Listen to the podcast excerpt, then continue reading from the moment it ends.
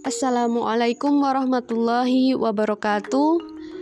Alhamdulillahirabbil alamin. Wassalatu wassalamu ala asrofil anbiya'i wal mursalin wa ala alihi washabbihi ajma'in. Amma ba'du. Rabbi shrahli sadri wa yassirli amri wahlul 'uqdatam min lisani yafqahu qawli. Pada kesempatan hari ini kami ingin berbagi tentang hadis arba'in ke-25 tentang karunia dan luasnya rahmat Allah Masya Allah ya, kita sering diberikan nikmat yang banyak bahkan setiap setiap hari, setiap detik, setiap saat kita diberikan nikmat tapi terkadang kita belum bijak dalam memaknainya. Misalnya, dalam nikmat sakit nih. Kita terkadang baru bisa merasakan betapa nikmatnya nikmat yang sehat gitu kan. Ketika sehat itu kita bisa melakukan apa pun gitu kan. Ketika sakit kita baru sadar nih wah masya Allah ternyata sehat itu luar biasa ya gitu kan. Nah terkadang kita sering belum bisa memaknainya dengan bijak gitu kan ya. Kadang kita menyalahkan nikmat yang satunya karena merasa nikmat yang lain terasa lebih bagus gitu kan. Padahal semuanya itu sama-sama nikmat gitu kan. Sama-sama untuk memperingatkan kita betapa luasnya nikmat Allah betapa luasnya ujian Allah gitu kan. Dan semuanya itu hanya titipan. Sehat juga titipan sakit juga titipan. Ketika kita bisa melampauinya dengan sabar dan ikhlas dan tidak jauh dari Allah insya Allah kita akan mendapatkan pahala yang luar biasa amin ya tentang rahmat Allah kita tidak asing ya mendengarkan rahmat Allah. Bahkan dalam Quran surat Ar-Rahman disebutkan berapa kali? Ya, sebanyak 31 kali. Masya Allah ya, betapa Allah ingin memperingatkan nikmat yang sangat luas itu. Dan kita itu tidak tuli, kita tidak buta ya, gitu kan. Harusnya kita mampu untuk memahaminya. Fabi ayi ala irobikum tukadziban. Nikmat Tuhan manakah yang kamu dustakan? Nanti bisa sambil dilihat ya. Dan dalam hadis ini Abu Dzar radhiyallahu anhu berkata beberapa sahabat berkata kepada Rasulullah, "Wahai Rasulullah, orang-orang kaya itu mengumpulkan banyak pahala. Mereka sholat sebagaimana kami sholat, mereka puasa sebagaimana kami puasa, dan mereka bersodakoh dengan kelebihan harta mereka, sementara kami tidak bisa bersodakoh." Beliau bersabda, "Bukankah Allah telah menjadikan suatu sesuatu yang bisa kalian sodakohkan? Sesungguhnya setiap tasbih subhanallah adalah sodakoh. Setiap takbir Allahu Akbar adalah sodakoh. Setiap tahmid Alhamdulillah adalah sodakoh. Setiap tahlil La ilaha illallah adalah sodakoh. Menyeru kepada kebaikan adalah sodakoh. Mencegah kemungkaran adalah sodakoh. Dan bersetubuh dengan istri juga sodakoh mereka bertanya, "Wahai Rasulullah, apakah jika di antara kami menyalurkan hasrat biologisnya kepada istrinya juga mendapatkan pahala?" Beliau menjawab, "Bukankah jika disalurkan pada yang haram, dia berdosa? Maka demikian pula jika disalurkan pada yang halal, dia mendapatkan pahala." Hadis riwayat Muslim. Hadis ini sahih sahih ya. Karena diriwayatkan juga dari beberapa periwai periwai hadis ya. Dan di sini ada urgensi hadisnya Ibnu Hajar Al-Haytami berkata, hadis ini sangat penting karena memuat dasar-dasar agama yang sangat berharga. Di sini ada kandungan-kandungan hadis. Yang pertama, berlomba-lomba mendapatkan kebaikan. Berlomba-lomba untuk mendapatkan kebaikan adalah dan melakukan amal solih adalah diperintahkan. Karena itu, setiap muslim hendaknya berlomba-lomba untuk mendapatkan kebaikan dan melakukan amal solih. Abu Zar Al-Ghifari radhiyallahu anhu yang menceritakan kepada kita fenomena persaingan di kalangan para sahabat untuk mendapatkan kebaikan. Ia menyaksikan bagaimana Rasulullah Shallallahu alaihi wasallam menyikapi dengan arif bagaimana Islam memberikan peluang yang amat luas bagi setiap orang untuk berbuat baik. Disikisahkan bahwa orang-orang yang fakir dari kalangan muhajirin, ini sebagian kecil dari kalangan ansor juga merasa tidak bisa memperbanyak amalan kebaikan karena mereka tidak memiliki harta untuk diinfakkan sebagai bukti keimanan mereka. Padahal mereka selalu mendengar berbagai hadis dan ayat Al-Quran yang mendorong untuk berinfak, memuji orang-orang yang berinfak, dan menjanjikan surga yang luasnya seluas langit dan bumi. Mereka juga melihat saudara-saudaranya seiman yang kaya berlomba-lomba untuk berinfak. Ada yang menginfakkan seluruh hartanya, ada yang menginfakkan separuh hartanya, ada yang memberikan beribu-ribu dinar, ada yang membawa tumpukan hartanya kepada Rasulullah Shallallahu Alaihi Wasallam. Lalu Rasulullah mendoakan mereka dan memohonkan ampun dan keridhaan dari Allah terhadap mereka. Fenomena tersebut menggugah jiwa para sahabat yang miskin untuk bisa memiliki kelebihan dan derajat sebagaimana saudara-saudaranya. Bukan karena dengki ya, dengan harta yang dimiliki saudara saudara yang kaya dan bukan semata-mata menginginkan kekayaan, akan tetapi didorong oleh rasa bersaing dalam kebaikan dan mendekatkan diri kepada Allah. Mereka lalu berkumpul dan mendatangi Rasulullah, mengadukan kondisi yang dialami dengan air mata yang berlinang lantaran tidak ada sesuatu pun yang bisa diinfakkan. Mereka bertanya kepada Rasulullah, mereka berkata ini ya. Mereka berkata kepada Rasulullah ya Rasulullah orang-orang kaya telah mendapatkan pahala yang banyak sedangkan kami tidak. Karena mereka juga sholat sebagaimana kami sholat mereka juga puasa sebagaimana kami puasa tidak ada kelebihan sama sekali dalam hal ini. Akan tetapi mereka lebih dari kami karena mereka bisa berinfak dengan kelebihan hartanya sedangkan kami tidak memiliki apa pun yang bisa kami infakkan agar me bisa menyusul mereka. Padahal kami benar-benar ingin bisa mencapai kedudukan mereka. Apa yang perlu kami perbuat? Nah ini Rasulullah menyikapi dengan bijaksana dan arif ya. Dan menyemangati ya memberikan support kepada kaum-kaum miskin ini ya. Rasulullah benar-benar memahami keinginan mereka yang begitu kuat untuk bisa mencapai derajat yang paling tinggi di sisi Allah. Dengan sikap bijaknya kemudian Rasulullah menenangkan mereka dengan memberitahukan bahwa pintu kebaikan sangat luas. Ada beberapa amalan yang menyamai pahala orang yang berinfak, bahkan bisa melebihinya. Namun, semua itu tentunya sesuai dengan usaha masing-masing.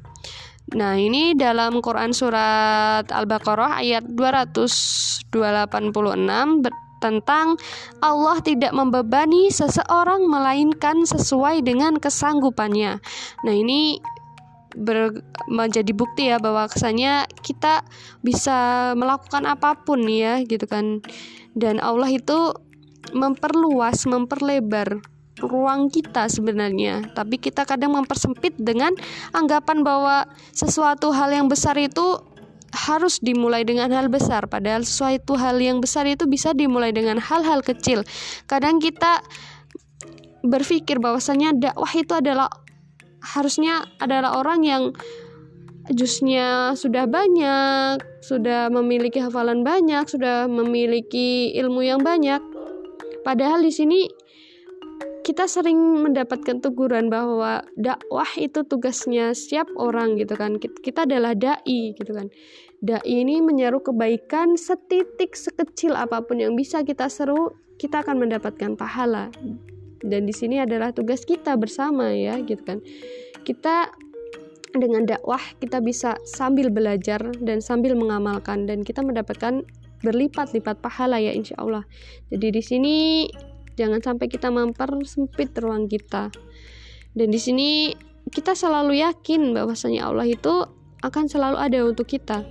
Seperti dalam Quran surat At-Talaq ayat 7 Allah tidak memikul beban tidak memikulkan beban kepada seseorang melainkan sekadar apa yang Allah berikan kepadanya. Di sini tidak akan melebihi dari kesanggupan umatnya ya gitu. Bukankah Allah telah menjadikan berbagai hal yang dapat kalian sodakohkan Ini balik lagi ke sodakoh ya Macam-macam sodakoh dari kalian itu banyak sekali ada yang berbentuk infak untuk keluarga, ada yang tidak berbentuk infak. Semua pahalanya tidak lebih kecil dari pahala infak di jalan Allah. Dan ini ada sebuah amalan yang bisa kita lakukan setiap hari, setiap detik. Dan itu insya Allah pahalanya yang luar biasa, yaitu zikir kepada Allah. Zikir kepada Allah adalah sebaik-baik sodakoh untuk diri sendiri. Jika kalian tidak memiliki kelebihan harta, maka ucapkanlah Subhanallah, Allahu Akbar, Alhamdulillah, La ilaha illallah.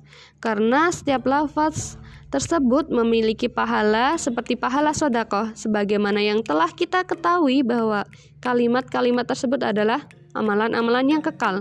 Allah berfirman, tetapi amalan-amalan yang kekal lagi solih adalah lebih baik pahalanya di sisi Rabbmu, serta lebih baik untuk menjadi harapan. Ini dalam Quran Surat Al-Kahfi ayat 46 ya.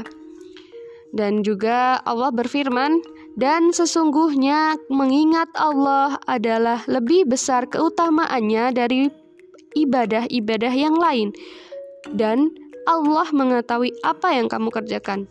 Surat Al-Ankabut ayat 45. Dan di sini Rasulullah juga bersabda, tiada satu hari, satu malam, dan satu waktu kecuali Allah memberikan sodakoh kepada hamba yang dikehendaki. Dan dia dan tiada pemberian Allah yang lebih berharga dari memberikan kemudahan kepada hambanya untuk berzikir kepadanya. Hadis riwayat Ibnu Majah. Nah, suatu ketika Rasulullah juga ditanya, hamba mana? Hamba yang bagaimanakah yang paling baik di sisi Allah pada hari kiamat? Beliau menjawab, orang yang banyak berzikir. Nah, ini hadis diriwayatkan oleh hadis riwayat Ahmad ya. Dan di sini juga dakwah adalah sodako kepada masyarakat. Pintu untuk melakukan amar ma'ruf nahi mungkar senantiasa terbuka lebar. Orang yang melakukan kewajiban tersebut akan mendapatkan pahala yang tidak kalah dengan pahala orang yang berinfak, bahkan bisa jadi lebih banyak. Sebagaimana disabdakan Rasulullah Shallallahu Alaihi Wasallam, setiap kebaikan adalah sodako. Hadis riwayat Muslim. Lebih-lebih umat yang mau melakukan amar ma'ruf nahi mungkar adalah sebaik-baik umat. Allah berfirman dalam Quran surat Al-Imran ayat 110, kamu adalah umat yang terbaik yang dilahirkan untuk manusia, menyuruh kepada yang mungkar dan mencegah dari yang mungkar. Kok ada yang salah? Allah berfirman ya, kamu adalah umat yang terbaik yang dilahirkan untuk manusia menyuruh menyuruh kepada yang ma'ruf dan mencegah dari yang mungkar dan berfirman kepada Allah. Nah, ini tadi agak kebalik ya ini. Amar ma'ruf nahi mungkar. Kita sering mendengar ya gitu kan. Dan tugas dakwah adalah tugas kita bersama. Dakwah itu adalah mengajak kebaikan gitu kan. Ketika kita mengajak orang kebaikan, kita secara otomatis juga akan terbawa menjadi orang yang membaik gitu kan ya. Dan di sini ada hikmah lain bahwasanya semua perbuatan tergantung niatnya. Innamal a'malu biniyati udah sering mendengar ya gitu kan. Semua itu ketika kita niatkan untuk mendapatkan ibadah untuk mendapatkan ridho dan untuk ibadah insya Allah Allah akan menambahkan nikmat yang berlipat-lipat. Misalnya dalam hal sederhana kita ingin melakukan sesuatu kita memulai dengan basmalah dan mengakhirinya dengan alhamdulillah.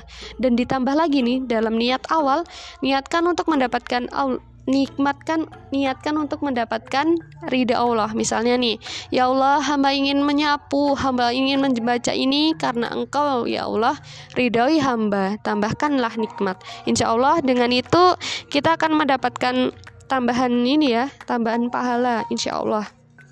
Dan itu bisa kita amalkan setiap hari. Betapa sederhana hal-hal yang bisa kita lakukan tapi mendapatkan pahala yang sebanyak-banyaknya ya dan di sini sudah mendapatkan poinnya ya insya Allah. Bahwasanya dengan zikir kita akan lebih dekat dengan Allah. Dengan zikir itu menjadi bagian dari sodakoh.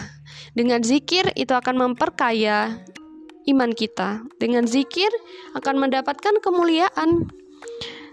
Memang sodakoh bagi yang mampu tetap mulia daripada zikir karena sodakah mempunyai manfaat bagi orang lain.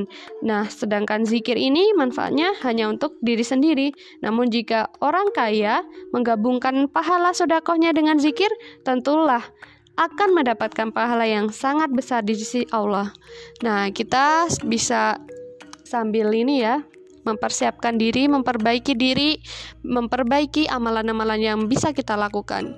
Dengan sederhananya kita mulai dengan berzikir, tasbih, tahmid, takbir, tahlil, amar, amar ma'ruf nahi mungkar.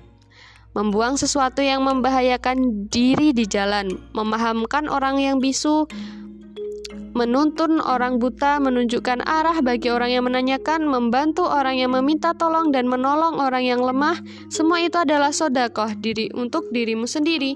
Nah ini juga dalam hadis riwayat Ibnu Hibban ya. Jadi tadi ada yang menanyakan kepada Rasulullah bahwa pintu kebaikan itu sangat banyak seperti yang tadi kan sebutkan. Dan ketika kita menyeru pada kebaikan, insya Allah Allah akan menambahkan dan ketika kita menghindarkan dari sesuatu yang haram, insya Allah kita akan mendapatkan kebaikan yang berlipat juga. Nah, orang-orang di sini seperti uh, dalam sebuah ini ya, dalam sebuah surat ya. Termasuk golongan al-mu'minun as-sadiqun yang disebutkan Allah dalam firman-Nya, sesungguhnya orang-orang yang beriman itu adalah orang yang apabila disebut nama Allah gemetarlah hati mereka dan apabila dibacakan kepada mereka ayat-ayatnya bertambahlah iman mereka karenanya dan kepada Rabb lah mereka bertawakal. Surat Al-An Al-Anfal ayat 2 ya ini. Dan ketika kita menghindarkan dari sesuatu yang haram, kita akan selalu berkembang dan bertambah di sisi Allah, terlebih jika senantiasa membarui niat, selalu merasa bahwa dalam meninggalkan maksiat tidak lain kecuali untuk merealisasikan segala perintah dan menjauhi larangannya juga karena mengharapkan pahala Allah dan takut akan siksanya. Insya Allah ketika kita sudah memulai dengan yang baik, insya Allah kita akan memanen hasilnya nanti di akhirat. Semoga kita bisa dipertemukan di surganya Allah, tidak hanya di dunia saja, dan kita jangan putus dalam doa untuk saling mendoakan dan saling menguatkan. Mungkin itu aja yang bisa Kanin sampaikan.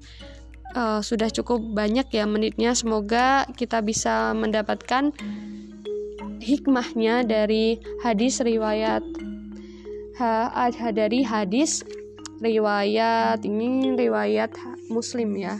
Hadis arba'in ke 25 sekian wassalamualaikum warahmatullahi wabarakatuh